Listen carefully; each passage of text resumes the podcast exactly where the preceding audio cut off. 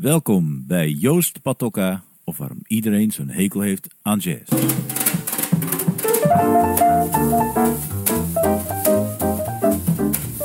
Ik ben Joost Patokka en ik ben drummer, jazzdrummer.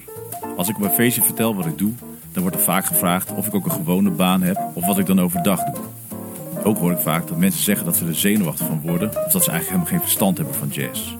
In deze podcast ga ik praten met mensen die zelf geen jazzmuzikant zijn, maar wel gek zijn van jazz. Graag wil ik van ze weten wat ze nou zo leuk vinden aan jazz. Of waarom ze denken waarom zoveel mensen een hekel hebben aan jazz. Of wat zij nou eigenlijk geleerd hebben van jazz.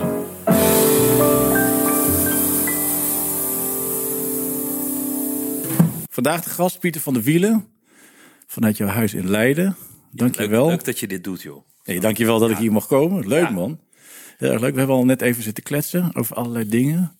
Ehm, heb je de podcast al een keer beluisterd? Ja, ik heb die met Wilfried geluisterd. Oh, ja. En eh Nee, ik dacht dan, dan weet je niet... van Egmond, die heb ik, eh, of Michiel van Egmond, die heb ik geluisterd. Ja. Nee, ik dacht, dan weet je hoe het gaat. Het gaat, draait eigenlijk om die drie vragen. Waarom haat iedereen jazz? Waarom heeft iedereen een hekel aan jazz? Waarom hou jij van jazz? En heb je nog wat geleerd van jazz? Ja, dat zijn, dat zijn drie prachtige vragen natuurlijk. Ik had jou, want ik, eigenlijk wist ik helemaal niet dat jij eh, jazzfan was. Totdat ik jou een keer hoorde op terug, op weg van een concert. En toen hoorde ik jou, in, hoorde ik jou Wouter Hamel interviewen. Bij Nooit meer slapen. Oh, dat is al maar een tijdje Ja, geleden. dat is een paar jaar geleden. En wat mij dan opviel, was dat je eigenlijk. ehm, je, ja, hoe moet je dat? Ik weet niet precies hoe ik dat moet zeggen. Maar dat je eigenlijk helemaal gewoon. Je maakt gewoon deel uit van het gesprek. Je bent niet iemand die vragen voorleest van een kaartje. Maar je maakt. Je, ik weet niet, ik vind het heel moeilijk om te zeggen. Maar het klonk net alsof ik naar een band aan het luisteren was. Oh, ik zie die, ik zie die gelijkenis wel. En die, die zoek ik ook altijd wel. Of dat, ik, ik heb dat wel eens ook zo bedacht. Niet, niet van zo ga ik het doen, maar ik, ik dacht wel van die gelijkenis is er. Want ik, ik heb er zelf zo'n hekel aan. Als, ik, als je naar een tv-programma Ja. En niet meteen om negatief te gaan lopen doen. Maar dat, dat je van die presentatoren ziet en dan is de geïnterviewde aan het woord.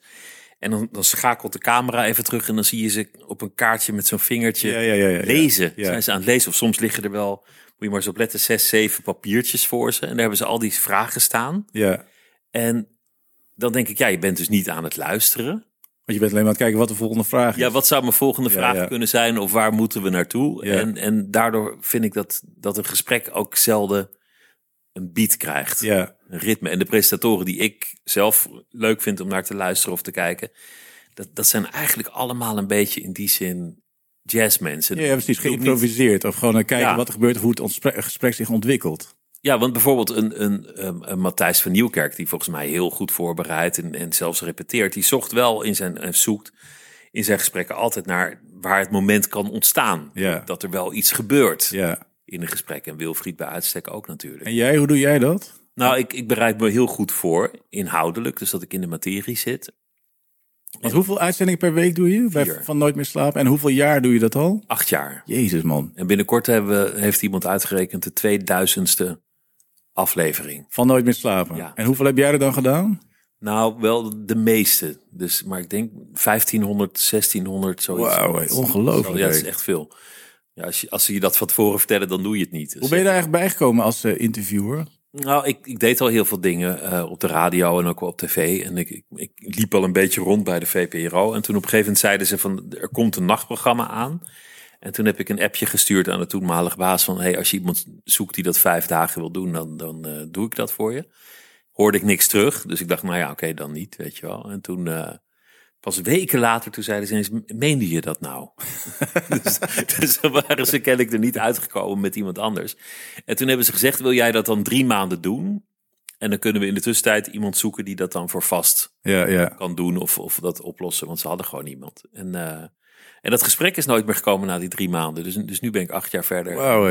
En wat heb je voor opleiding gedaan? Hoe ben je dan bij de VPRO terechtgekomen? Iets Ik heb eh, geschiedenis gestudeerd en eh, ben via Telejac, dat bestaat niet eens meer, Ja, ja. eh, de omroep ingekomen. Waar ik in het begin dan mee hielp met geschiedeniscursussen. Want ze hadden altijd cursussen, hè? Dat was Ja, ja, een cursus Chinees en een cursus... eh, Schaakcursus van Ivo de Wijs heb ik ja, gehad. en, en eh, met, met, hoe heet het, vouwen, hoe heet het? Origami. Origami, ja, dat, dat deden zij. En dan hadden ze ook geschiedenis.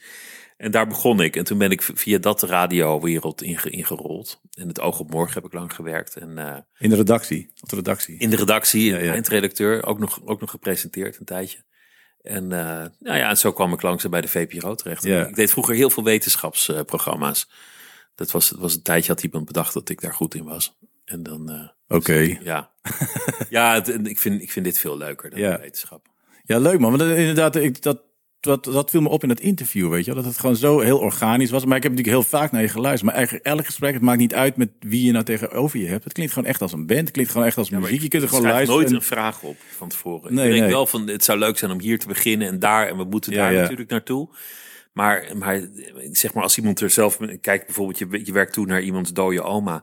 Maar als iemand meteen in de eerste zin zelf over die dode oma begint... dan denk je, nou ja, oké, dan waarom wachten? Dan doen we dat nu wel. Ja, Dan, dan doen we later dat wel. ja. Of, of het slaat een zijpad in en je denkt, ja, dit is veel te interessant. Ja, ja, precies. Dit moeten we Laten gaan, Ja, dit ja. hebben we nodig. Ja. Dus, dus ehm, Speel je eigenlijk een instrument of niet? Ja, niet meer zo. Ik, ik zat vroeger in allemaal bandjes als gitarist. Maar dan meer ehm, harde teringherrie. Ja, ja. Want dat was de muziek die ik kon spelen. Maar heb je dat altijd zo gevoeld dat het dan dat het twee gelijke dingen waren of waar heel veel overeenkomsten waren tussen muziek maken en interviewen?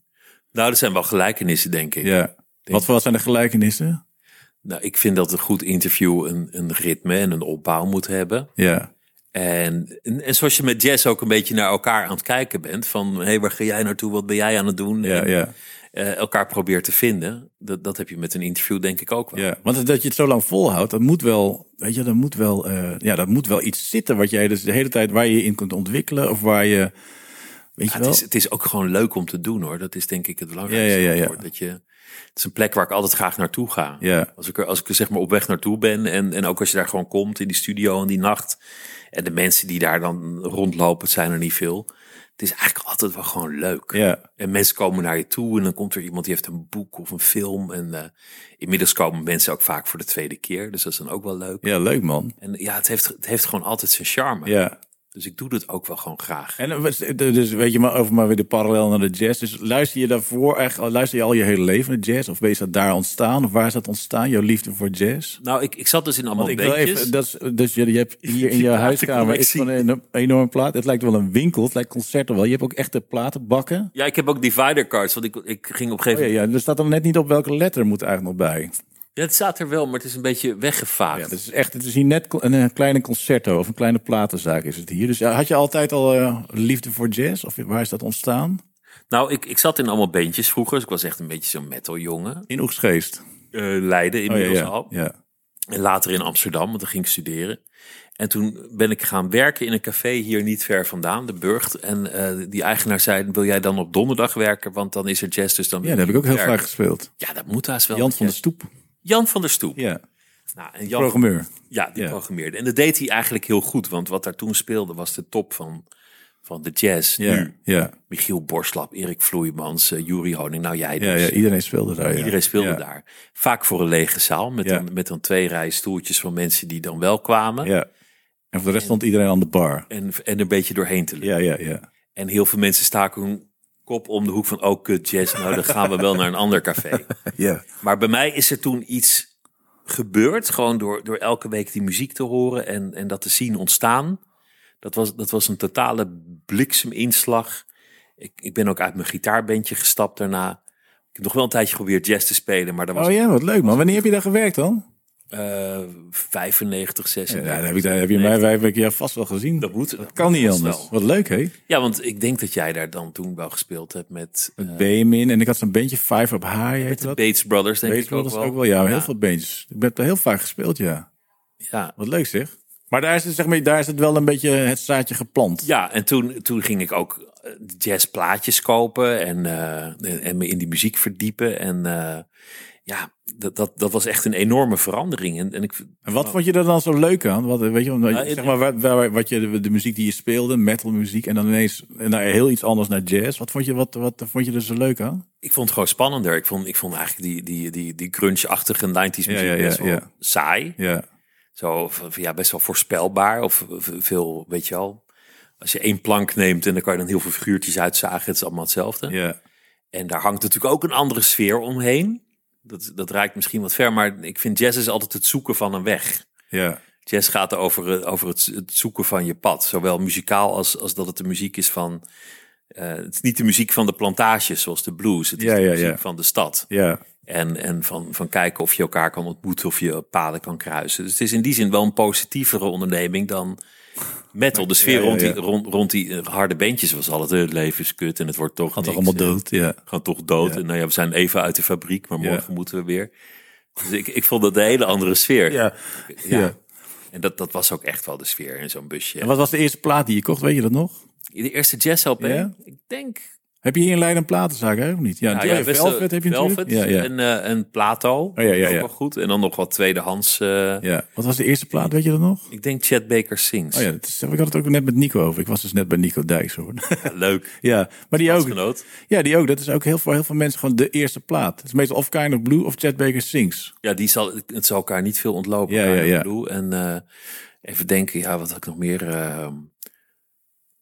Something Else van Cannibal. Oh ja, ja, ja, ja. Dat, is ook, ook een, een grote favoriet nog Ja. steeds. En, heb je dan, want ik, ik kijk nu heel snel in je platenbak. Dus je hebt eh, Ben Webs. Dat is toch dat concert in Leiden? Of hier is Dat is hier? hier, ja. hier, hier om de hoek, dat is die, Oh, dat weer? zijn laatste concert voor die dood neer eh, Ja. flikkerde. Ja. En hij, hij zegt dan aan het eind, het is nog best een mooie opname en ook, ook best een aardig optreden. En dan zegt hij aan het eind, I am old and I am going and you guys are young and growing, so enjoy yourselves while you can. Tegen het publiek zegt hij dat. Ja, Volgens mij staat het ook in de, hoe heet het nou? Ik heb was gespeeld in de Twee Spiegels. Dat hangt ook aan de muur volgens mij. ja dat heeft hij. Nou die- herinner ik die, me dat eh, ineens. Die eigenaar die, die probeert het ook, die, die jazz vibe weer. er- Ja, ja, ja, ja. Ja. ja. En, maar het is natuurlijk eigenlijk heel sneu dat een, een legende als Ben Webster eh, in zo'n cafeetje eindigt. Ja, ja, net als Chad Baker. Ja, dat hij, dat hij ook eigenlijk in een of ander Agenebbe stand eindigt. In Disney in Rotterdam, ja. Dat was dat zijn laatste Dat was zijn laatste concert, ja. En Jasper Blom en eh, wie, die hebben met hem gespeeld. Die waren toen nog op het 8 uur journaal. Die werden nog geïnterviewd Over de dood van... over de dood van Chad Baker. Want de avond ervoor, of volgens mij dezelfde avond nog, toen is hij, het- zeg maar de nacht is hij toen uit het raam gevallen. In Amsterdam. En toen, eh, weet je, een paar uur daarvoor had hij nog gespeeld in, eh, eh, in Rotterdam, in Jazzcafé Dizzy. Het zijn wel vergelijkbare levens. Ja, ja, ja. Ben Webster. Mooie documentaire toch? Van, van de keuken. Ja, Is het nou over Hans Hielkema? Nou weet ik het niet meer. Over, over Ben Webster, die. Ja die, die heb ik gezien, ja. Met, die, met, zijn, met zijn hospita. ja was, Jopie, het, was geen, het was geen aardige man. Voor Nee. Hij had ook iemand vermoord, hè? Is dat zo? En daar is hij nooit voor vervolgd, ja. Dat is Ben Webster. Of was Coleman Hawkins? Die, dan weet ik het ook niet meer. Maar één van die twee, die heeft Heeft iemand iemand vermoord. En vermoord? die zijn nooit vervolgd omdat ze zo, niet zo beroemd waren. Maar op de een of andere manier konden ze er onderuit. Oh, dat heb ik nooit Nee, geweten. dat moet ik even opzoeken zo meteen. Maar, maar er zijn, er zijn er veel, er zijn er veel naar, naar Europa ge- heel veel, gegaan. ja. ja. Deels om, omdat ze, als het, als het eh, zwarte muzikanten waren, omdat ze in, in dat racisme zat waren. Ja, Dat ze gewoon dachten van ja, jullie behandelen ons echt als, als groot. ja, We gaan wel naar Europa waar we echt als sterren en artiesten gezien worden. En dat was ook wel zo in die tijd. En de drugs, dat was Ja. een andere grote motivatie. dus dat, dat gold voor, voor Chad en ja. Ben Webster en ik denk ook wel voor Stan Getz. Allemaal, ja. Ja, Want, want daar werden ze ook de hele tijd voor vervolgd. ja. Tot Billie Holiday aan, aan toe. Dus, Ja. dus ook de hele grote, die, en dan kreeg je ineens een soort inval. Dan werden al je laadjes omgekeerd. En als ze ook maar iets vonden, kon je vijf jaar de bak in. Omdat Ja. het beleid was om, om, om grote sterren als een soort posterjongen neer te zetten van het, van het drugsvervolg. Ja, je raakt toch ook je, je Union Card kwijt. Ja, je in mocht niet Amerika. meer spelen. Er is toch een document, een film nu gemaakt over Billie Holiday. Ja, toch? die wil ik heel graag die wil ik zien. ook zien, ja. Dat wist ik trouwens ook is niet. dicht, maar dat, Oh ja, een ander verhaal. maar die wil ik heel graag zien. Ja. Ja, ja. En ik heb er wel laatst een documentaire over gezien. En het, het is echt gruwelijk dat ze gewoon voorbeelden willen stellen. Ja, En dan, eh, ja, het interesseert ze eigenlijk ook niet wie Billie Holiday is. nee. Zo van, je, je gooit het grootste talent van, van je tijd vijf jaar in de bias Ja. voor, voor wat is het, twee Ja, spuitjes ja, ja, heroïne. precies. Ja, ja. ja, en waanzinnig hè, eigenlijk Ja. ook. Ja, dat, moet- dat, heel veel. Thad Jones, Dexter Gordon, ze zijn allemaal hier naartoe gegaan. Ja, Ja, Ted Jones naar, naar Zweden geloof of ik. de? Denemarken. Ja. Dexter Gordon ook Denemarken. Ja, allemaal. Don Baez hier in Nederland ook. Ik weet niet echt heel veel, ja. Ik hoorde ook Ruud Jacobs vertellen. Ik speelde lang met Ruud Jacobs. Die vertelde, dat speelde ze met, met Jacques Peltzer. Dat was een saxofonist uit Brussel. En zijn vader had een apotheek. En dan, zei hij, dan eh, gingen we wel eens, keken we wel eens eh, in- achter in de, in de apotheek. Daar werd dan allerlei dingen werden daar eh, ver- verkocht, weet je wel. Hij, deed je gewoon de deur open. En dan lagen al die muzikanten lagen daar eh, op voor apengapen. Het is Art Blakey, Stan Getz, iedereen, Sonny Stitz. Ze lagen allemaal in die apotheek bij de vader van Jacques Peltzer lagen ze dan. Jezus, wat, wat verhalen zijn Ja, dat. maar ook dus daarom. Ze waren natuurlijk allemaal junk, weet je wel. En ja, dat was nou eenmaal zo. Ja, achteraf tragisch. Het is natuurlijk Heel een, tragisch, een, een epidemie geweest. Eigenlijk is Ja. heroïne een epidemie die, die heel veel talent heeft eh, geroofd. Ja, Ik denk wel, want, want bijvoorbeeld Miles Davis, die kwam voor het eerst in uh, 46 of 49 als sideman Ja, ja. van Ted Dameron naar, naar Parijs. En dat was voor hem een soort moment van ontwaken van, oh, zo kan je ook behandeld Ja. worden. En dat is dat toen die verliefd werd op Juliette Greco? Ja, oh, ja, ja. Die kregen, die kregen eh, verkering. ja. En later, later ben ik wel zich gaan verdiepen dat, dat bijvoorbeeld eh, James Baldwin en Martin Luther King en heel veel van die toonaangevende figuren van de Civil Rights Movement allemaal gestudeerd hebben in Europa. ja, ja. En ik denk dat dat het onderscheidende criterium is geweest van het bewustzijn. Dat ze dachten, oh, het hoeft niet zo. Ja, precies. kan ook ja, anders. Ja, ja. Dus dat is eigenlijk wel een interessante fase van de geschiedenis. ja, het is onwaarschijnlijk. Hè? We kunnen dat helemaal niet voorstellen. Ik ben goed Nee. bevriend met Brent Marsalis. Die zegt dat ook altijd. Weet je wel, dit, want dan was hij een keer een aantal jaar geleden. En toen eh, was het Sinterklaas. En toen ging overal van die Sinterklaaspopjes en Zwarte Piet, weet je wel. En toen zei hij, wat is dat? Wie, wie zijn dat, weet je? Toen legde ik uit, nou ja, Sinterklaas en Zwarte Piet. Dat is dan de, de Sint, weet je, de Saint. En dat zijn dan zo'n hulpjes. Oh ja, zei hij. Ik zei, vind je dat niet erg dan? Zei hij, ja, het is gewoon, het is, racisme is er altijd, eh, was er altijd en blijft altijd, weet je wel. Hij zei, als ik gewoon een lift inloop en eh, er komt een blanke vrouw naast mij staan, dan eh, gaat gelijk die hand op haar tas, weet je wel. Of hij zei, ik, ik rij een saap, rijdt hij, hij. Nu niet meer, reed hij dan. En een handgeschakelde saap. Hij zei, ja, daar werd ik gewoon voor aangehouden in Amerika, weet je wel. Omdat het, dan dacht ze, een zwarte man in een saap, dat kan niet. Die moet wel gestolen zijn. En dan helemaal handgeschakeld, weet je wel. Tragisch, toch? Tragisch, ja. Dan moet je voorstellen, iemand van, nou ja, niet iedereen is natuurlijk van dat niveau, maar gewoon uit een van de tien bekendste Amerikaanse families. En hij zegt, ik maak mij, ik weet je, het is gewoon zo. Ik heb alles geaccepteerd en ik, ik maak me niet meer kwaad over. Het heeft helemaal geen zin, weet je. Ze zijn niet, hij is niet heel activistisch, maar wel aware. Maar dat is de, grote teleurstelling. Dat is, dat is denk ik wat bij Miles Davis is gebeurd. Het dat speelt dus inderdaad, de- nu hebben we het dus over nu. Het speelt gewoon nog steeds. Nou ja, weet je, het is natuurlijk alles wat je nu ziet. Black Lives Matter, George Floyd. Het, is- het is er gewoon allemaal nog. Het is gewoon nooit weg geweest. Weet Nee, ze komen er niet overheen. Nee. En, en hier in Nederland wordt het ook niet veel beter. Maar Nee. Miles Davis die had, had de filosofie, en dat hadden heel veel eh, Afro-Amerikanen, van zorg dat je beter speelt, dat je er beter uitziet, dat ja, je in ja, een ja. mooiere auto rijdt. En, en weet je wel, dan, dan kunnen ze je eigenlijk al, al niet meer eh, neerbuigend behandelen. Want, want Ja. ze zien ook wel dat je beter voor de dag komt. En toen had hij een hele week uitverkocht in de Village Vanguard. En toen stond hij buiten een sigaretje te roken en werd door een politieagent Ja, zonder aanleiding ja, eh, in elkaar geslagen. ja. En dat was denk ik zijn grote moment van bewustwording van het maakt niet uit. Nee, nee het maakt, niet uit, wie je bent, Nee, nee, wat je bereikt, hoe goed je bent, hoe mooi je eruit ziet. Nee, Het blijft gewoon. ja. En dat moet een, dat moet een reusachtige teleurstelling ja, dat moet onwaarschijnlijk zijn. Ja. Voor hele generaties ook. Ja. Ik, ik, ik- toevallig sprak een keer Aaron Goldberg, dat is een pianist. Een blanke pianist uit New York, weet je. En die speelde bijvoorbeeld bij Betty Carter in de band, met Brian Blade, met veel, weet je, wel, zwarte Amerikaanse muzikanten. En dan zei hij ook van, ja, zij, hebben, zij kennen geen angst, weet je wel. Zij hebben gewoon geen angst. They play without fear. Dus het is echt alles of niets. Weet je wel, dat had, had, ik, me nog, had ik me nog nooit... Ja, ik ben natuurlijk Dat gewoon... daar eh, verband ja, dat, dat, zit. dat, dat echt gewoon eh, Roy Hargrove, die trompetist, weet je, dat was gewoon Fantastisch, Of dat, of je ging gewoon, nou ja, gewoon, je wordt gewoon drugsdealer, of je was zelf, weet je, eh verslaafde of zo. Het is gewoon voor hun zo. Die, muziek is gewoon echt hun, hoe noemen we, hun, ticket way out, weet je wel. Echt, en dat besef ik me helemaal niet, omdat ik natuurlijk, ik bestuur die, bestudeer die muziek op het conservatorium in Den Haag. Daar ben ik gaan studeren, ik geef nu zelf les. Totdat ik op een gegeven moment dacht, het is gek eigenlijk, weet je wel. Wij, wij, ik, wij bestuderen dus gewoon eh zwart Amerikaanse muziek, weet je. Maar eigenlijk dat hele element discriminatie of segregatie of uitsluiting of wat dan ook, dat, dat, daar doen we eigenlijk helemaal niet aan, weet je wel. Dat is ook eigenlijk, dat is ook eigenlijk wel logisch, maar eigenlijk ook heel pijnlijk vind ik dat. Weet je, je kan ook niet... Ja, het is wel een groot verschil. Want, want wat jij zegt van spelen zonder reserve. En dat er een, in, in voor mij mooie jazz een zeker element van gevaar moet schuilen. Ja, ja, ja, ja. ja. Dat, dat gevaar bedoel ik dan wel gewoon muzikaal, ja, hoor. muzikaal, ja, ja, ja. Maar in het begin was het natuurlijk wel zo dat, dat als je slecht speelde, werd je in zo'n club uit, uit de tent gesleurd en in een steegje in elkaar geslagen. in elkaar getraind. Ja, ja. Maar dat, is, dat hoeft niet per se terug. Maar het, het is natuurlijk wel lekker als er in die muziek een zekere mate van Ja, gevaar ja, zit. ja, ja. Dat, dat je denkt, ja, ik weet niet waar dit, hoe gaan we dit oplossen. Ja, ja. Wow, waar zijn we nu beland? Nou, Ja. breng dit maar tot een goed eind. Ja, misschien bedoelde hij dat wel, weet je wel. Gewoon Ja. zonder, zonder angst. Zonder enige reserve. En, erin, weet je en hier is jazz natuurlijk toch ook een beetje geworden van je gaat studeren, want je komt uit een gegoede familie en, Ja. en je durft veilige keuzes te maken. En als naar het conservatorium te gaan. Of Ja. ik, bedoel, ik bedoel onveilige keuzes, dat je niet zeker weet of je wel werk vindt. Ja, ja, maar ja. je denkt, ach, Kan wel. Komt, wel goed, kan wel.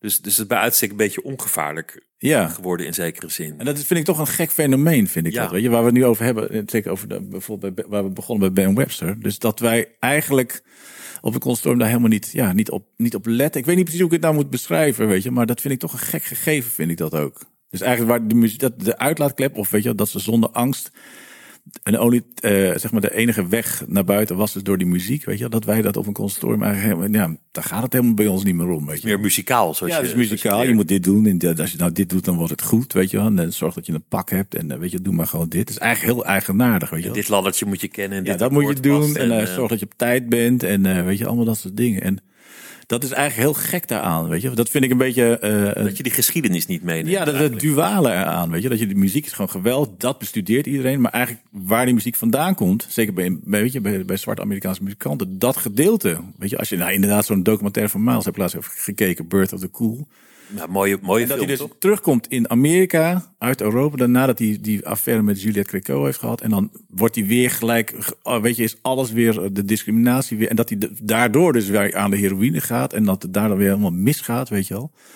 Dat zijn natuurlijk allemaal dingen die wij niet onze leerlingen niet moeten toejuichen, weet je wel, het gebruik van heroïne. Maar zeg maar dat gedeelte van het, dat is, heeft toch een, eh, eh, hoe noem je dat? Daardoor is die muziek zo geworden, weet je wel. Het zit erin. Het zit er echt Ja, in. wat ik, wat ik het meest tragisch vind is, er was een paar jaar geleden de, de viering van 100 jaar jazz. En dan bedoelden ze de eerste opname.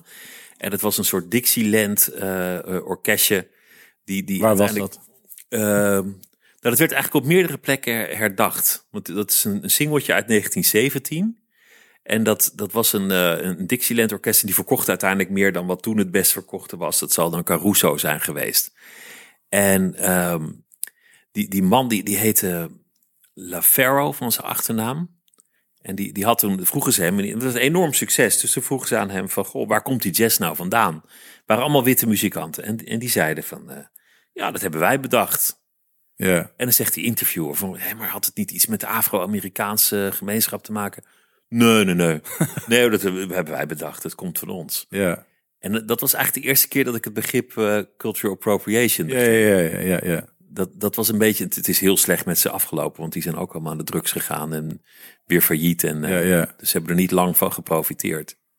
Maar het is, ik vind jazz ook niet alleen Afro-Amerikaanse muziek, want het is natuurlijk inmiddels Ja, inmiddels is het natuurlijk, ja, maar veel meer dan dat. En, Ja. en volgens mij gaat, gaat jazz voor, bij uitstek ook over ontmoetingen ja. tussen culturen en, en genres. Dus ik weet ook niet precies waar de jazz begint en ophoudt en ik wanneer denk- het nog jazz wel- mag heten. Wat jij wel zegt is, eh, nou, dat, dat is natuurlijk een, dat is echt een, sowieso een hele moeilijke vraag, wat nou wel en niet jazz is. En Maar, een saaie vraag, vind ik.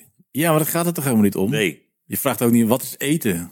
Ja, mag ik? Ja, kan, Ja, het kan ja, bloemkool zijn, het kan Thais zijn, het kan, eh, weet je kan wel. ik dit wel eten, kan ik dat niet eten? Ja, misschien eigenlijk heel raar. Maar ik denk wel, de, de, zeg maar, de, de mensen, de, de, ik denk wel, zoals ik gevormd ben, heeft wel te maken nog met, zeg, met mensen zoals Ben Webster en Don Bias, die allemaal hier zijn eh, in Nederland zijn gekomen, omdat de mensen waar ik les van had, die speelden allemaal met die mensen. Dus ik had les van Frans Elsen bijvoorbeeld, of met Erik Ineke, die speelde met Dexter Gordon, weet je wel. Dus die hoorde je altijd, die verhalen hoorde je eigenlijk wel, weet je wel. Dus Die, Dexter Gordon is nog best wel lang doorgegaan. ja, die zijn dan best lang gespeeld nog tot het eind. Dus zeg maar vanaf dat moment, dus eigenlijk het moment, eh, ja, dat zou zijn de bibelperiode, weet je wel. Maar de- dus dat hele gedeelte daarvoor, ja, dat, dat, daar deden wij gewoon helemaal niet aan. Eigenlijk nog steeds te weinig, vind ik, weet je wel. Mijn persoonlijke interesse begint ook wel meer. Ik hou wel van die oude New Orleans Ja, jazz ja. en van die vibe, maar je zult het niet heel veel in mijn platenkastje vinden. Ja. Misschien, misschien verdwaalt iets van eh Big Spider Beck of Oh, ja. King Oliver of zo. Louis Armstrong ook niet? Ja, Louis Armstrong wel. Ja, ja. Maar die, is natuurlijk, die heeft natuurlijk een hele lange carrière, waardoor Ja. het meer overspant. Maar bij bebop begint voor mij echt. Echt. Je hart Ellington, kloppen. Ellington vind ik ook heel gaaf. Ja, ja. Maar ja, echt bebop en dan die Blue Note dingen. Dat, Maar ik vind het heel leuk, want ik heb nou, dit is nou de achtste volgens mij podcast die ik nou opneem. Het is zo leuk hoe verschillend iedereen's smaak is, weet je. En dat toch alles gewoon jazz is. Ja, dat, dat inmiddels. Weet je, Van Egmond heeft een hele andere smaak dan Nico. Nico heeft een hele eh, die smaak. Matthijs die smaak. Weet je, Peter Kuip ik vind dat weer leuk. En, in, maar eigenlijk is alles gewoon jazz. Weet je, en dat is eigenlijk ook wat je ook zegt. Het is een hele saaie vraag. Wat is jazz? Maar houdt het op? Mag Ja, dit nog wel jazz zijn? Ja. je hebt wel van die mensen, dat is een beetje voorbij, maar vroeger met North Sea Jazz, toen het nog in Den Haag zat, dat, dan, dan zeiden ze van, eh, ja, B.B. King speelt beneden. Ja, ja, ja. Nou, dat noem ik geen jazz hoor. Ja. Dat vind ik heel saai. Dat vind ik heel saai. Ja, maar dat is ook erg. Dat, ja. dat mensen ook, dat vind ik ook altijd heel moeilijk, dat mensen dan hun eh, identiteit, eh, weet je, eh, eh, kapen, zeg maar, van die met die muziek en dan met die muziek aan de haal gaan. Dat ze dan zeggen, nou, waarom mag BB King nou ineens weer niet? Waar staat het nou weer op? Wie ben jij eigenlijk om dat te zeggen, toch? Dat is toch eigenlijk heel eigenaardig? Ja, en, en nog erger is, is dan, dan zeg maar niet-muzikanten die dan over jazz schrijven en dan een soort connoisseur worden. En dan Ja. uiteindelijk de muzikanten gaan vertellen Ja, hoe het zit. hoe het zit Dat en jij hoe het moet. krijgt, ja. Eh, Daar, daar kan, ik, kan ik vaak ook een beetje kniftig van worden. moeilijk. Dus, maar dat, dan komen we eigenlijk een beetje op de tweede vraag. Waarom denk je dat eh, dan, dan mensen een hekel hebben aan die muziek? Zou dat daar ook mee te maken kunnen hebben? Met de, con- zogenaamde connoisseurs?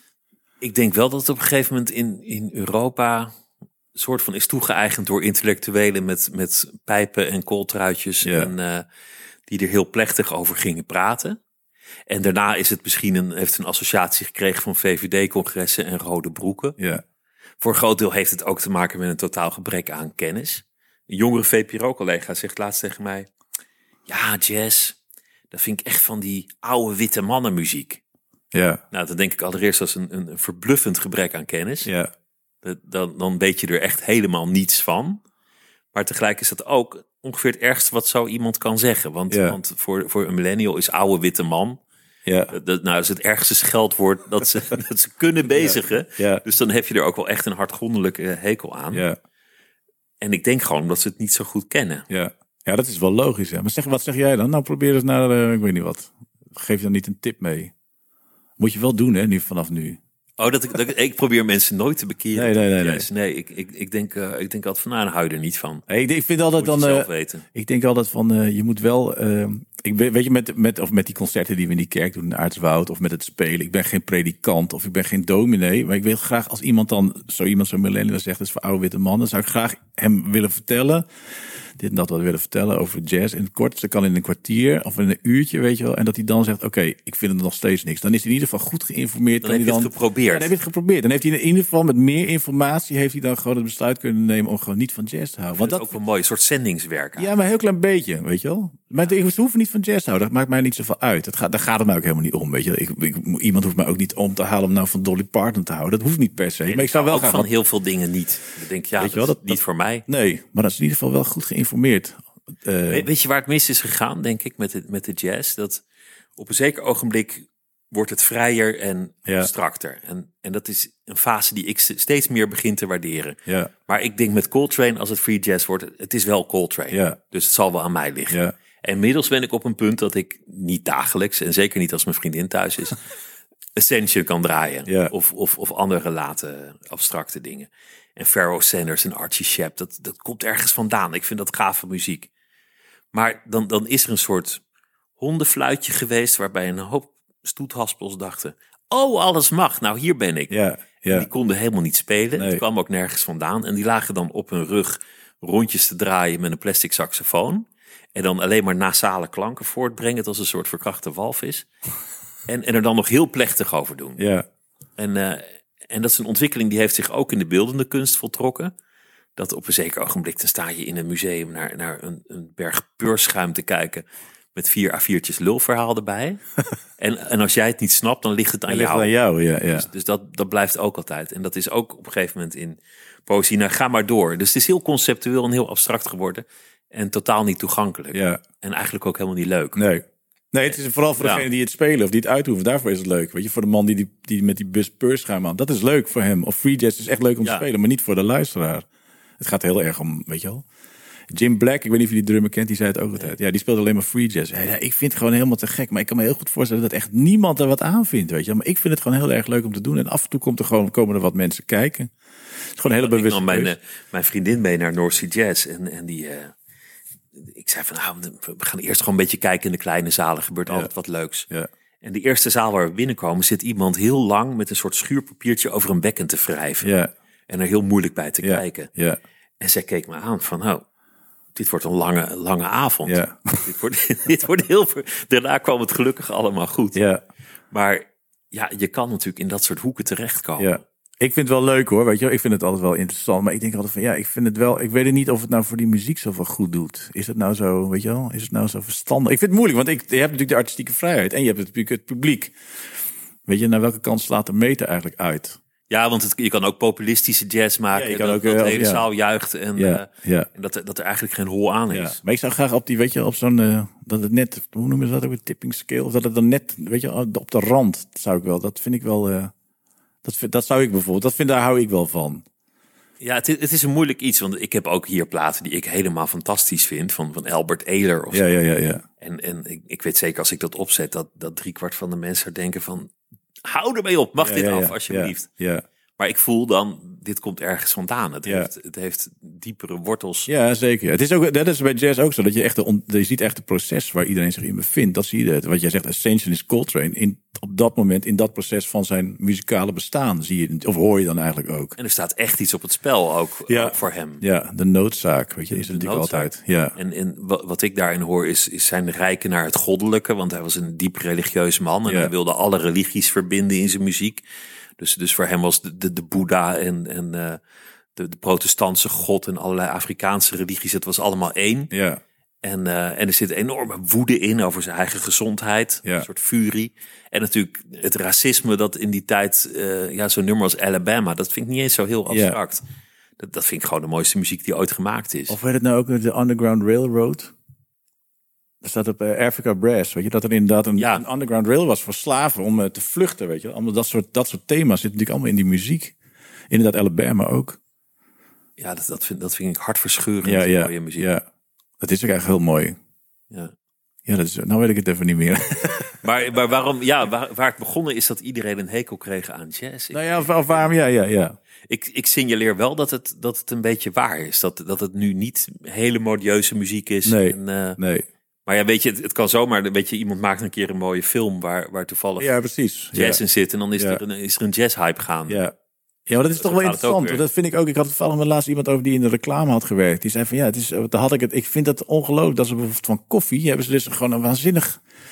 Eh en ja, hebben ze gewoon een ongelooflijk product gemaakt. Vroeger ging je, had je toch gewoon een kopje koffie, weet je? En nog filterkoffie. Filter De- de koffie, liep 20 jaar. Maar nu heb je dus gewoon. Ik ging laatst, eh, moest ik langs de snelweg, ging naar de Starbucks koffie halen en toen bestelde iemand wat. Nou, dat had ik echt nog nooit gehoord. Weet je, zo'n koffie en dan met, weet ik veel, extra shot en dan heel ding en dan twee koffie en dat was dan 17 euro kostte dat, weet je wel. Toen dacht ik, jezus, man, er is toch iemand die dat voor elkaar heeft gekregen dat je van koffie gewoon filterkoffie tot dit is er gewoon gekomen. Dat heb je met water ook. Vroeger draai je gewoon de kraan open, maar nou wil iedereen Bronwater. bronwater of een flesje water of met vitamine C erin of met een smaakje of weet ik veel wat. Weet je, dat vind ik, dat zou eigenlijk met jazz ook moeten gebeuren. Dat het allemaal marketing wordt. Ja, of is het niet, ja, dat, dat, dat, dat je iemand met marketing, weet je, hoe zou dat bijvoorbeeld, kan dat? Daar ben ik nou heel erg benieuwd naar. Dat wat jij zegt, als, als iemand een slim iemand of iemand met een goed idee of een goede film of weet ik veel wat, of je die muziek dan ook net zo populair zou kunnen maken als een kopje koffie bij, langs de snel voor de Starbucks. Dat is een paar jaar geleden La La Land. Oh ja, ja, ja, ja. ja. Maar daar, daar werd, dan, dan, dan liep hij eigenlijk alleen maar tegen zijn vriendinnetje te zeiken. Ik vond het een mooie film hoor, maar dan loopt de hele tijd zeiken van... eh,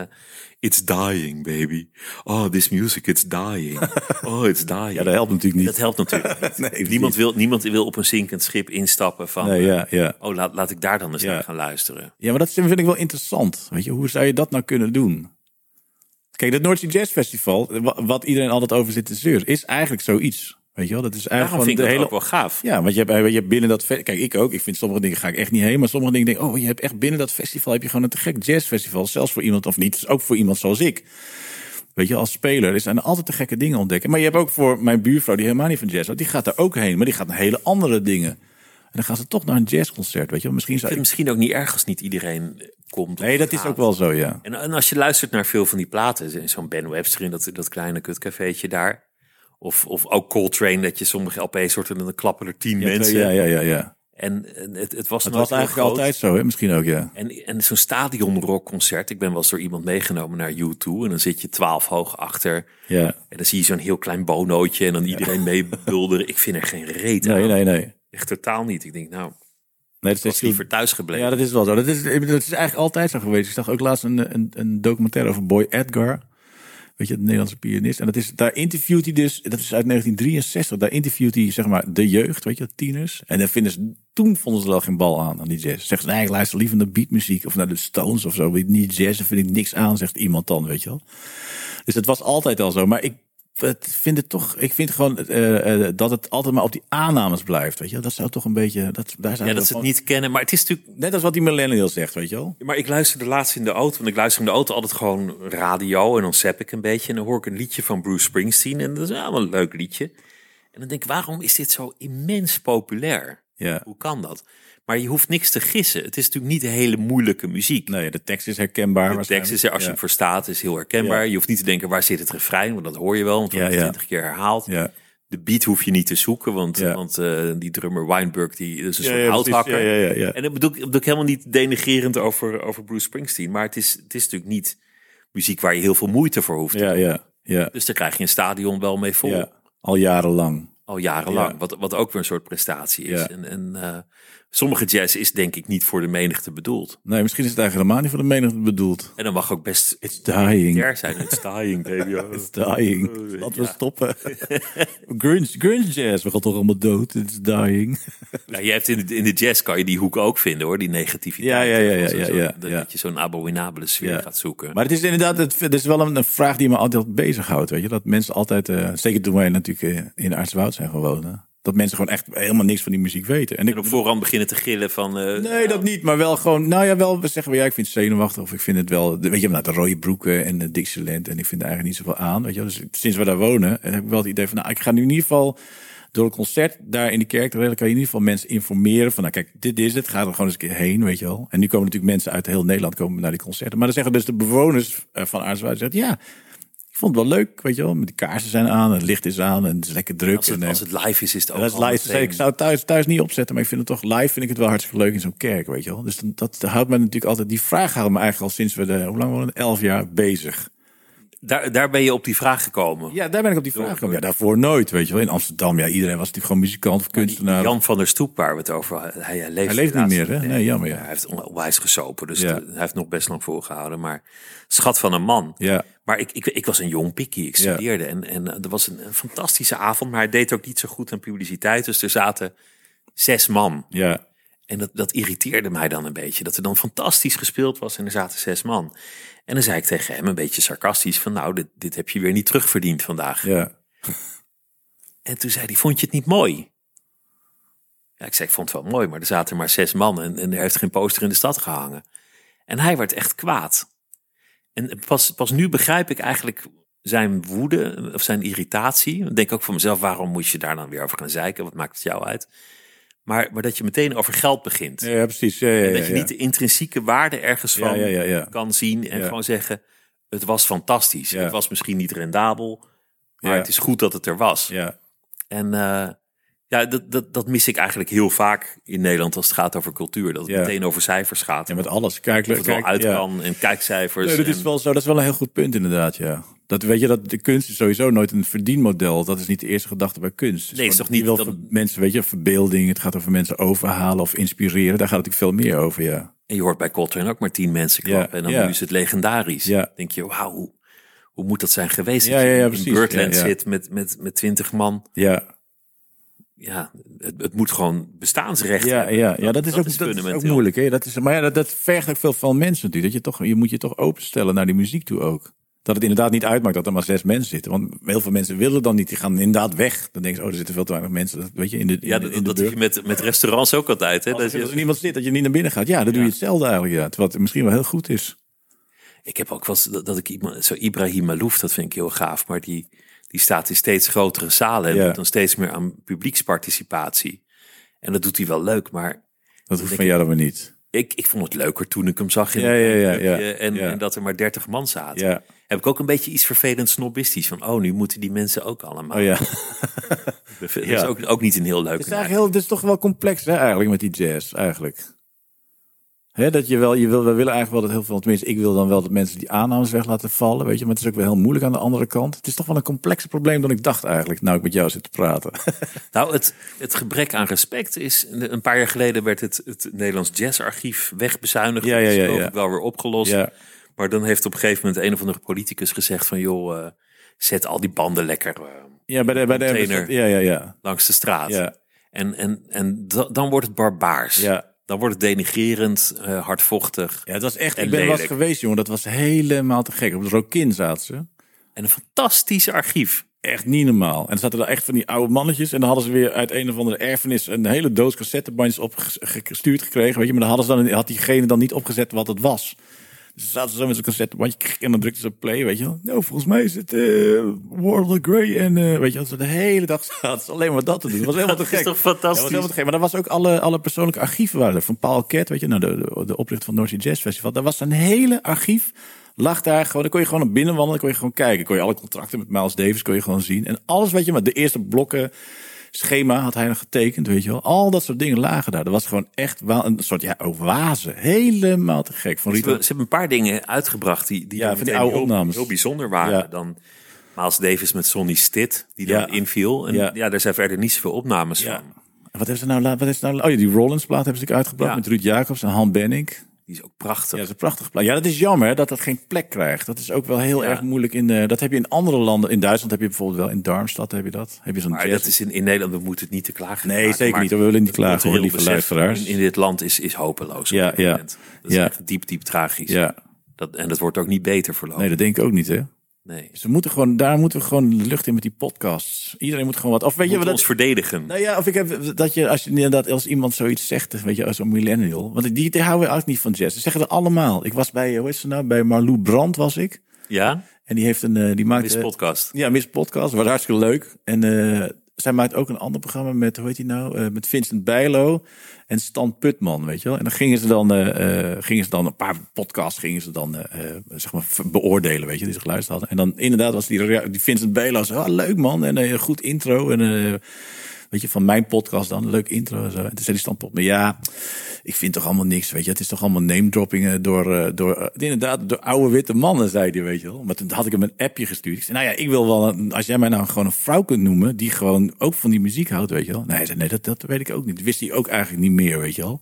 Dus het is ook, dat is ook het hele hardnekkige beeld, weet je. Dat het hardnekkige beeld dat het... Dat en we hebben hele ja. conservatoria zitten vol met allemaal jonge studenten die helemaal, weet je wel, die kunnen niet wachten om gewoon naar buiten hun muziek te laten horen, weet je. Er is zoveel, zoveel meer. Dus daarom dacht ik van, je moet gewoon eigenlijk zo'n millennial, dan moet je gewoon zeggen, nou, luister eens hier naar of luister een keer daarnaar, weet je. Er is ook heel veel jazz van nu die ik heel gaaf vind. Ja, is zoveel. Zeker niet. We hebben het dan een beetje over, over Duke Ellington en Coltrane en Miles, ja. maar ik, ik vind Robert Glasper of ja, ja, ja, Washington, ik vind het allemaal prachtig. Ja.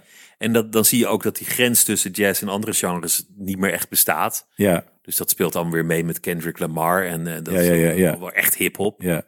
Dus, dus dat, dat vloeit allemaal naadloos in elkaar ja, over. Ja. Thundercat en uh, ja. Flying Lotus, Lotus. Oh ja, Flying Lotus, dat bedoel ik. Ja, ja, ik ja. wel prachtig. Ja.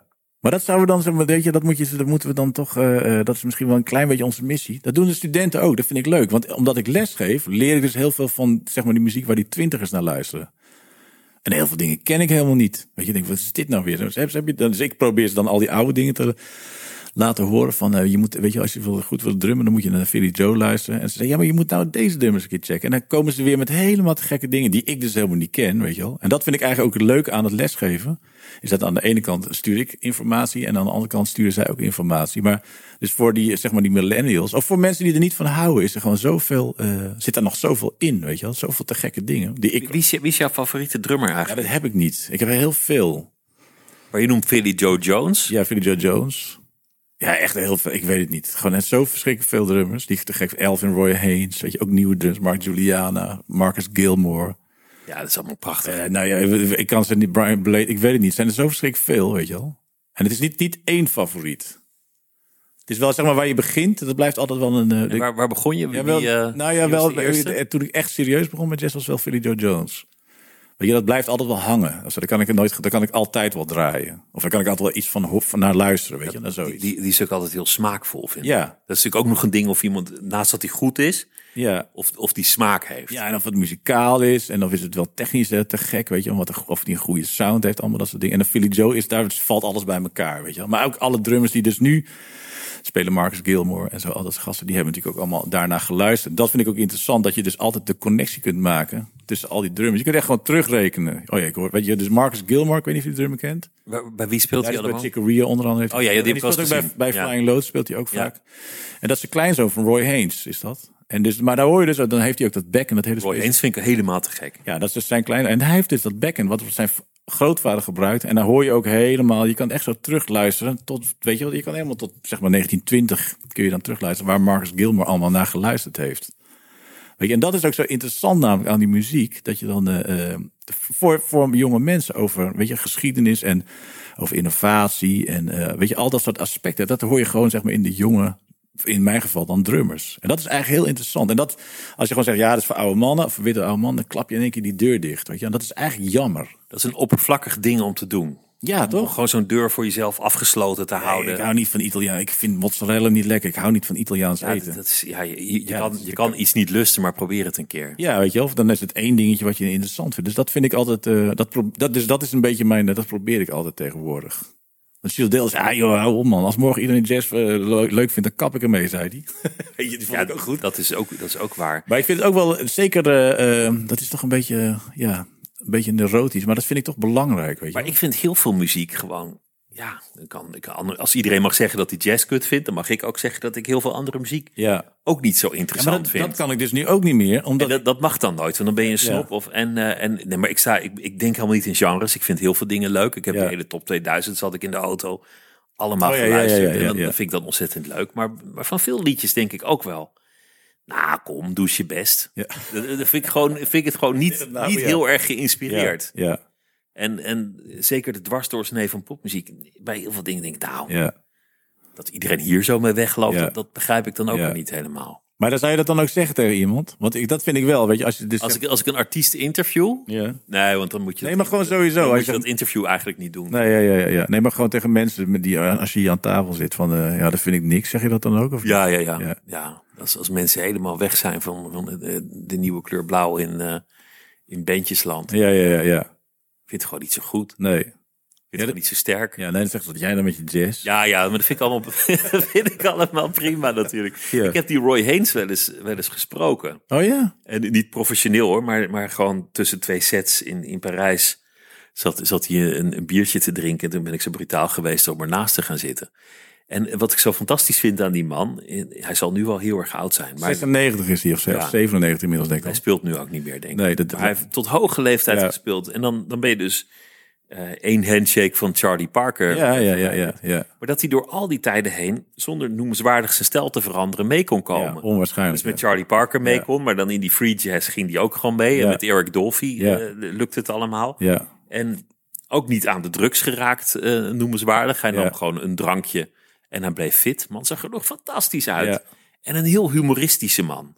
Echt gewoon een, een, een, een vrolijke, opgewekte, enthousiaste kerel. ja, waanzinnig, ja. Die gewoon al 75 jaar toert. Ja, ja, ongelooflijk. Ik hoorde laatst vallen zijn eerste opname uit 1947. Met Lester Young. Ding Dong heet dat. Ja, dat, is, dat klinkt het al eigenlijk, dan hoor je gewoon, dat klinkt eigenlijk al net zoals het nu is. En dan heeft hij al die typerende roffel. Die, Die, ja, altijd die, die triolen, dat ding, weet je, hij speelt hij dan helemaal. Daar hoor je het eigenlijk al helemaal. Ja, dus, dat- Roy Haynes is natuurlijk echt, dat is onwaarschijnlijk. Dat is eigenlijk, ja, die- al die drummers, dat is natuurlijk ook een nieuw fenomeen. En in dat, ja, Coltrane dood 41, weet je. Miles was, de, hoe oud was die? 64 was dood. En al die, eh, dus die bands, die vielen vaak uit elkaar. Dat Coltrane kwartet heeft misschien maar vier jaar bestaan, vijf jaar bestaan. Dus nu heb je een nieuwe fenomeen dat je gewoon bands hebt die 30 jaar lang bestaan. Weet je, het Brad Meldo trio bestaat gewoon al 30 jaar. Wel met twee verschillende drummers, maar die bassist en die en Brad, Larry Grenadier, weet je, die spelen al 30 jaar met elkaar. Peter Bernstein, Larry Goldings en Bill Stewart, die spelen al 33 jaar met elkaar. Dat is echt ongelooflijk. Hè? Maar Roy Haynes is eigenlijk de enige uit die tijd die gewoon nog, eh, die, nou nu niet meer, maar die echt inderdaad tot twee jaar geleden gewoon nog gespeeld heeft. En nog, van de weinigen die ik nog heb kunnen zien. Want, want ja, dat is onwaarschijnlijk. En maar al die andere, laat aan de jazz om, om al die legendes ja, dat is jammer, hè? Ja, ik ook. Ik eigenlijk ook. Ik heb Roy Haynes ook nog gezien, Elvin. Maar dat was het Elvin ook. Jones heb ik nog gezien, McCoy Tyner nog gezien. Ja, ja. Eh, Wayne Shorter, maar dat is eigenlijk al een andere generatie. Ja. Herbie Hancock. Ja, dat is waanzinnig. Hè? Ja, Roy Haynes. Hoe kwam nou Roy Haynes? Via zijn kleinzoon? Ik weet het niet meer. Ja, via die kleinzoon. Ja. En, eh, en, en, en wat je eigenlijk zei, is dat je een soort erfgoed in de muziek kan Oh ja, precies. Ja, ja, ja. Wie geluisterd heeft. Ja, dat is, vind ik ook heel interessant, weet je wel. Dat is volgens mij wat jij ook interessant vindt. Van wie heeft nou door wie is Coltrane beïnvloed, weet je wel. Er is een hele bekende opname. Castle, Castle Rock heet dat. En dat is een big band van Johnny Hodges. Dat is volgens mij uit 1956 is dat. Dus, dus of, ja, volgens mij wel. Dat is een jaar voordat Miles Roundabout Midnight opnam. Of, of hetzelfde jaar, weet je. En heeft Johnny Hodges aan John Coltrane gevraagd. Die speelde, die had zo'n honkband, had hij, weet je wel. Zo'n soort bluesband had Johnny Hodges. En Coltrane was toen natuurlijk al bekend aan het worden. En toen heeft hij aan Coltrane gevraagd, kun je gewoon, wil je met mij meespelen, weet je wel, in die band, in die honkband. En dan speelt Coltrane, dus echt honk, barhopping, weet je wel. Net of je gewoon... En echt rock- ook gewoon. Echt rock and roll speelt hij. En ik laat het wel eens luisteren aan leerlingen. Dan hebben ze geen idee wie het is, weet je wel. En dan zeg ik, dit is John Coltrane. Je kan het een heel klein beetje horen. Weet je, dat vind ik ook waanzinnig daaraan. Bijvoorbeeld aan iemand zoals hij. Dat, weet je, dat hij Dat dat... is ook, dat is ook een heel niet-dogmatische mentaliteit. Nee, het gaat gewoon over muziek, weet je. Dat Wat, wat Miles Davis natuurlijk bij uitstek had. Dat, Ja, ja, ja. dat hij gewoon altijd in het nieuwste... Ik vind, ik vind de jaren tachtig Miles... En is in jazzkring ook weer vloeken. Maar dat hij Time After Time en ja, Human ja, Nature... ja, ja, ja. vind ik prachtig. Ja, die is mooi man. Ik Human Nature. genoeg Ja, van. ja, dat vind ik zo mooi. Ja. En dan zeggen mensen, ja nee, maar hij ging in de uitverkoop. Het was commercie. Maar hij deed gewoon wat hij altijd deed. Namelijk het populaire liedje van zijn tijd. Zich eigen maken. Maar hij heeft nog steeds die smaak als hij speelt. En het is intiem en ja, dat is een te gekke dat plaat. fenomenaal. Ja, ik had het toevallig ook met Nico daarover. Ook met Nico Dijkshoorn. Die zei ook, die was bij dat concert. Dat ze dan Time After Ja, Time zie je, dan word, dan word ik alweer jaloers. Ja, weet je, die zei, die was er. En die zei dat Kees van heeft het nog steeds over dat, dat die dat speelde. Dat dat zo ongelooflijk was. Hoe het klonk, hoe die speelde. Weet je, wat was hij net, net terug uit die, uit, die, uit, die, uit die drugsperiode, weet je wel, een paar jaar daarna. Ja, zijn comeback concert Ja, dat gehad. is nou Un- Under Arrest. Is zo Decoy is volgens mij Ja. de eerste na zijn comeback. En dan, dit was volgens mij de tweede, weet Ja, en die We Want Miles, die vind ik Oh ja, ja, ja, ja, ja. Maar er is net vorig jaar een plaat uitgekomen, opgenomen in, in Frankrijk, in Vienne. En dan speelt hij met een relatief onbekende band. En dan, dan doet hij ook dat materiaal. En het is het laatste jaar voor zijn dood. Dus Oh ja, ja. 1990. 90, ja, ja. 91 ja, zelfs al. Ja, En die uitvoering van Time After Time is zo prachtig. ja. En ook allemaal jonge En dat vond ik ook zo leuk aan, aan, aan Maals. Die hadden elkaar nooit ontmoet. Dus je krijgt ineens te horen. Wil je met Maals spelen? Oké, je moet je vervoegen zo laat daar. Geen repetitie. Je krijgt dan wel een beetje toegestuurd van eh, leer deze liedjes. En die mensen zagen elkaar muzikaal gezien voor het eerst op dat podium. Ja, waanzinnig toch? En dan voor, voor, wat is het, 5000 man. Ja, in die, in, zo'n, wat is het? Zo'n antieke Ja, ja, waanzinnig is dat. arena. ja. Ik ben er wel eens geweest. Dat is Ja, ja. ontzettend mooi. Als je Ja. kans krijgt om daar een keer heen te gaan, moet, Ja. je, dat, moet je dat doen. Ik- En die, eh, ja, prachtig. Ja, te gek hè, waanzinnig ja. Maar dat was ook eens iemand die dus verbond, weet je, die dus ook zeg maar de tegenwoordige tijd met, met de huidige tijd, weet je, of de toekomst zeg maar met de huidige tijd en met het verleden gewoon goed kon verbinden. En hij wilde relevant zijn. Ja, ja. Hij had het echt vreselijk gevonden als iemand had gezegd: Oh, dat is, wie is dat? Oh, dat is een, een, Een oude knakker die gewoon al 60 jaar lang hetzelfde doet. Ja, dat wilde Dat hij had hij niet. nooit goed Nee, gevonden. en dat is, dat is daar gelijk ligt natuurlijk het pijnpunt van dat is waar mensen dus afhaken. Of weet, weet je, zeg maar de puristen of hoe noem je dat, connoisseurs, die vinden dat bijvoorbeeld moeilijk. Dus iedereen, dat vind ik echt moeilijk aan jazz. dat Iedereen vecht elkaar de tent uit. Ja, maar die, die connoisseurs die hebben de muziek geen dienst bewezen. Nee, zeker niet. Weet je wel? en, en die, die moeten ook. Maar ik, ik luister op een andere manier dan muziek, naar muziek dan een muzikant. Want veel van mijn vrienden zijn muzikant. Ja. En, en die luisteren heel muzikaal. ja, Dus de- kijk, eh, mijn maatje Lo, die woont daar Oh, ja, ja, ja, ja. in de steeg. ja. Is een, een zanger. Lodewijk heeft- van Gorp, ja. Die heeft een, een, een debiel gehoor. Ja, Dus, dus als ik een liedje uitzoek een keer met kerst voor de grap, dan, dan hij hoeft niet eens een gitaar in zijn handen te hebben. Hij roept gewoon van, van achter het fornuis oh ja, wat, wat de akkoorden zijn. zeven en de akkoorden en het klopt. Dus, dus je bent gewoon kansloos Ja, ja. op dat niveau. Eh, maar hij kan het ook uitzetten en dat vind ik bijzonder. Dus hij kan ook iets wat muzikaal helemaal niet zo bijzonder is horen waarom dat dan toch gaaf is. Ja, ja, ja, ja. Dat hij, dat hij gewoon die hele lijn van denken weg kan stoppen. Ja, Maar bijvoorbeeld, eh, je kent Maiden Voyage van, eh, van Herbie Herbie, Hancock. ja, ja. Nou, dat, dat vind ik prachtig. Daar kan je heel veel over zeggen. Van, is het nou een bossa nova of is het modale jazz? Of allemaal muzikale termen kan je eroverheen leggen. Maar dat, dat vind ik niet zo interessant. nee. En ik luister meer. Ik denk, oh ja, hij is boeddhist. Het gaat over, over het ritme van de zee en over golven. Dit gaat Ja. over dat je koers houdt en dat het aan boord van jouw bootje best wel kalm kan lijken. Terwijl de zee om je heen woedig is. Dat, Ja. dat is wat Maiden Voyage zegt. Vond ik dan zelf wel een aardige theorie. Tot ik las dat het eigenlijk een, een reclametune was voor een kledingmerk. Heel iets En, anders. en dat het aanvankelijk ook als titel Jingle had. En dat toen de, de vrouw van Herbie of iemand anders zei... Ja, Jingle is niet zo'n mooie titel. Waarom noem je het niet Maiden Voyage? Want dat zag ze toevallig op een tijdschrift staan. Dus zo zie je maar dat je er allemaal weer... de mystiek- ja, de de, mythische- hele mythe alweer door, doorgeprikt. Maar dat, dat, Ja. dat soort gelul, daar maak ik me ook wel schuldig aan. Dat Ja, je ja, ja, ja, ja, er ja. veel van wil Ja. maken. Maar ja, het is ook wel gaaf, want het is gewoon jouw beeld wat die muziek oproept. Ja, dan klopt het alsnog. Als Ja. dat het bij jou Dan oproept, is, dat het waar. ook, je, ja. Ik heb, je hebt ook titels bij jazz is natuurlijk omdat het vaak instrumentaal is. Maakt toch niet uit hoe je het noemt. Nee, maar de- je hebt ook de, van Branford heb je zo'n stukje Dienda heet dat. Hele mooie, dat is een wals is dat, weet je. Heel mooi stuk van, Ken, van pianist Kenny Kirk, een prachtig stuk. En toen vroeg ik aan Branford van, wat betekent eigenlijk, die end? Is dat een of andere meisje uit Mexico of zoiets? En zei nee, dat is the end of my puntje, puntje, puntje. Weet je wel, wat in je kruid hangt.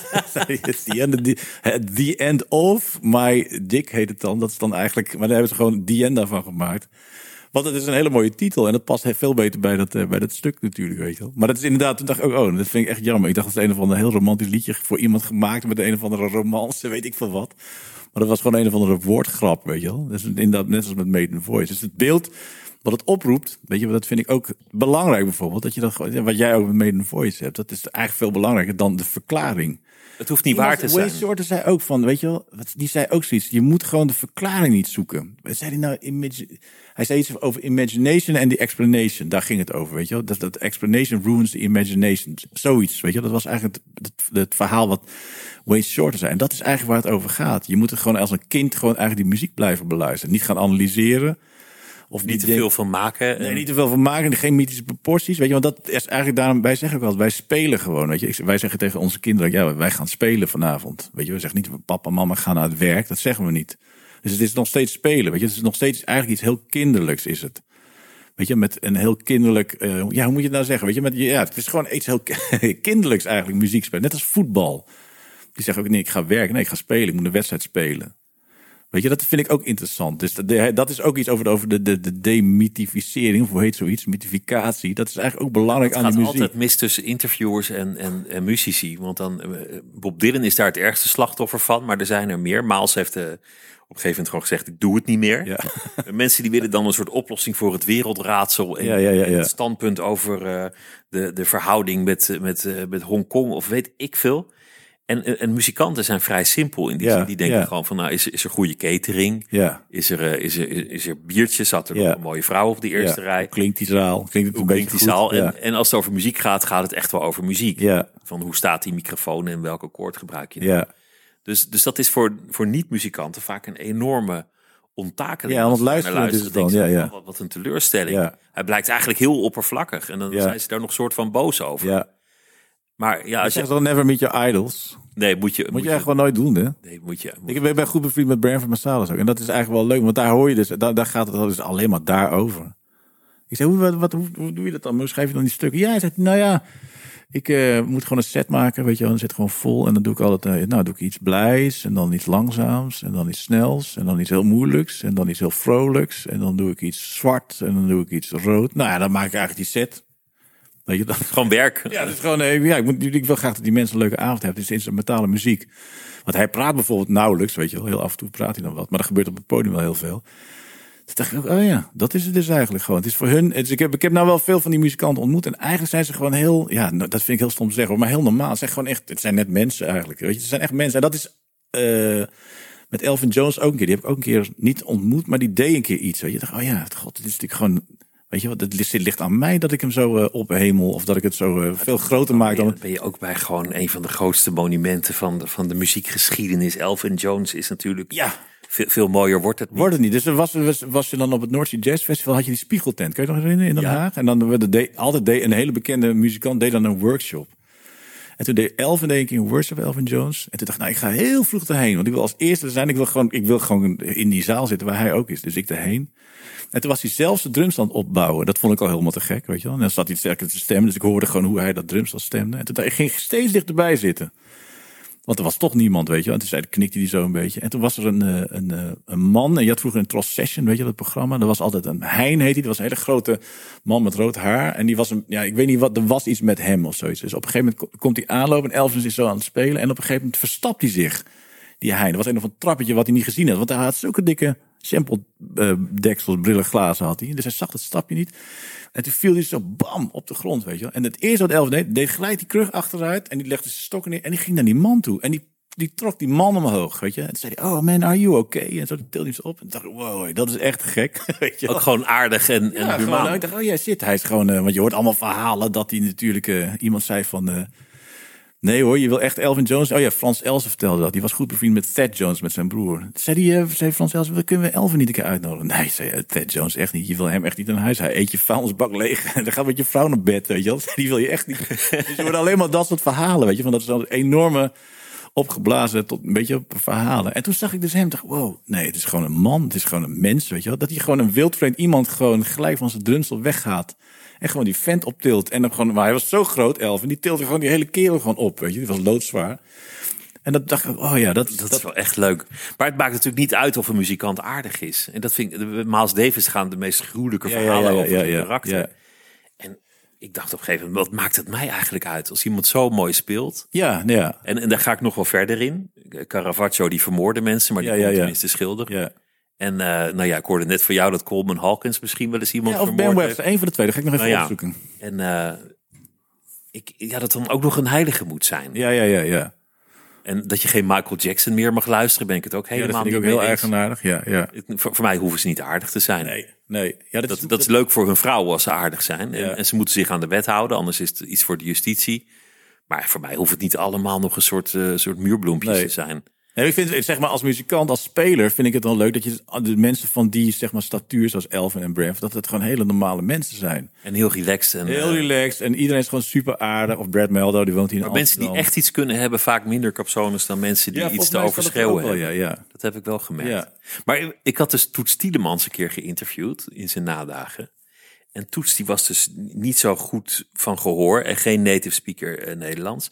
Dus hij verstond mijn vragen helemaal niet. Oh ja, ja, ja. Maar vertelde ah, fantastische anekdotes. Maar wat ik gevraagd had, dat, dat was, was totaal irrelevant. Het interesseerde me ook echt helemaal niet wat ik vroeg.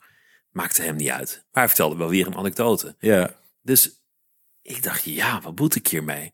Toen, toen heb ik uit een soort respect voor Toets al mijn vragen opnieuw ingesproken. Zodat ze dan wel correspondeerden. Dus dan zei ik, vertel nog eens een keer over, over hoe je John Lennon ontmoette. En dan Oh, begon hij dat te vertellen. oh, dat is te gek zeg. Heb je het gewoon omgedraaid? Ja, en toen laat ze iedereen, oh, wat had jij een mooi interview met Toets. Maar dat was, was echt totale valsspelerij. Te gek. Maar Dat goed. is ook een goeie zeg, hé. Ja, maar Toets vond ik ook prachtig. Vond Ja. ik ook, fantastisch. Ja, waanzinnig, ja. Echt geweldig, ja. mooi. Wat leuk, hè? Toch geen goed Ja. verhaal is dat ook. Maar- moest ik nou ineens aan denken? Nou weet ik niet meer. Ook over toen je dat... Nou, ik weet niet meer. Maar, jij vroeg wat je van, wat je van jazz kan leren. En Nou ja, wat jij misschien wel van jazz geleerd hebt. Nou, dat is, dat is een anekdote dat, van, van Herbie Hancock. Die is piepjong. Die is, die is dan 18 of zoiets belachelijks. En die mag met Miles Davis spelen in Frankrijk. En, en hij, hij is bloednerveus. En hij heeft dan een pianosolo in, in zo'n ballad, My Funny Valentine of zo. En hij speelt een ongelooflijk verkeerd akkoord. Gewoon niet een beetje ernaast, maar gewoon andere toonsoort, ander liedje, gewoon helemaal mis. En je ziet hem echt in elkaar, want er zijn opnames van, je ziet hem in elkaar krimpen van, shit, Wat doe ik nou weer? Ja, ja, doe ik? En Maals, eh, dit is een beetje een soort pestkop, dus die gaat meteen mee in, in, in die verkeerde toonsoort. Waardoor hij niet meer terug kan, of het, of het kan verdoezelen, maar wordt gedwongen om er iets mee Ja, ja, ja. doen. Ja. En dat lukt dan. En dat wordt, dat wordt eigenlijk prachtig. Dus, dus de les die Herbie daaruit trok, en dat vind ik een hele mooie, is het is niet een fout of, of, of iets dat misgaat. Het is een nieuw begin. Ja, ja. En, en van daaruit kan je verder gaan. En, en zo'n soort manier van denken, dat, dat in heel veel dingen eigenlijk best wel vruchtbaar. Ja. Ook, ook in een interview van, nou, ik had gepland om, om, het, om het heel erg over het nieuwe boek te gaan hebben. Maar hij begon ineens over dat. Dan kan Ja, je precies. denken, Ja, mijn ja. interview is verkloot. Ja, Terwijl het misschien wat je kreeg wel mooier was dan waar je voor kwam. Ja. Het zou zomaar kunnen. Het is niet altijd zo, maar goed. Dat, ja, dat vind ik een mooi verhaal. Dat ken ik inderdaad, ja, van Ja. Herbie. Dat is een waanzinnig verhaal. Dus dat hem niet op zijn flikker geeft, maar eigenlijk gewoon... aanmoedigt om door te of gaan. Misschien zelfs de fout die Herbie maakt, lost hij gewoon op. Weet je wel? In iemand van, zijn, van Miles Davis een statuur dan. Weet je? Dat vind ik ook een heel mooi verhaal, is dat ook. En ik vind dat ook wel de, die spanning waar we het over hadden in, in jazz, dat dat kan gebeuren. Ja, Ik zat in zo'n bandje en hadden we een afgerachte Mercedes-bus die stonk. En dan gingen we naar een, een zaal en dan gingen we onze muziek spelen. Niet, zo- niet zo heel goed. En dan op de terugweg ging het dan over wat er fout was ja, ja, ja, ja, ja. Van ja, jij speelde daar dat en jij Ja. had daar dit. En eh, jij kende je partij niet. En, eh, en dat, dat, wij dachten heel erg in termen van fout. En Ja. goed, goed was als er niks onverwachts gebeurde. Ja, ja, precies. Ja, Was ja, het gelukt? Ja, Ja, dat, dat, is, dat is helemaal niet interessant. Nee, dat is, maar dat is heel gek, hè? Want het is eigenlijk in sport is dat eigenlijk ook zo. Weet je, Ja. in voetbal is het ook zo. Ze hebben wel een soort, eh, weet je, tactiek en we gaan dat doen. Maar dat, in de wedstrijd gebeurt dat eigenlijk nooit. Dus eigenlijk Nee. doen mensen het veel vaker. Als je dat improviseren zou kunnen noemen, weet je wel. Dus wat, wat bijvoorbeeld in, Herbie's, eh, in dat verhaal van Herbie gebeurt. Hij maakt gewoon een fout. Maar als die, die, die helpt hem eigenlijk, dan lost het samen op. Dat is natuurlijk een moment van improvisatie. Weet je, een soort improvisatie boven op de improvisatie.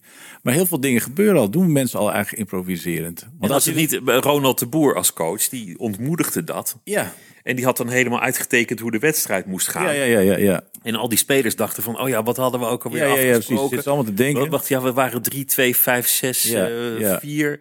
En dan, dan krijg je een soort autistisch uh, Ja, stijve ja. voetbal. En de vijand, de tegenstander, sorry, die ziet je natuurlijk op 50 kilometer afstand aankomen. Ja, precies, ja. Dus dat, daar, het werkt ook niet ja. eens. Maar het is toch interessant hè, dat iedereen eh, vindt, heeft altijd moeilijk met jazz. Dat, ja, dat is improviseren of dat gepiel of dat gedoe. Maar eigenlijk doen heel veel mensen in het dagelijks leven, doen je het al. Of je rijdt verkeerd, weet je wel. Dan moet je, dan rijden eens moet je linksom. Maar dan komt het toch wel. Of met, met sport natuurlijk ook vaak, weet je wel. Ik Ja, dan- maar dan praten verslaggevers vaak bij sport over fout. Ja. Door een fout van, van, Ja, ja, die precies, en van de verdediger. Maar als niemand ooit een fout zou maken, dan zou het altijd 0-0 zijn, Ja, denk ik. ja, dat is ook waar, ja. dus dat is een hele gekke manier van Ja, denken. ja, ja.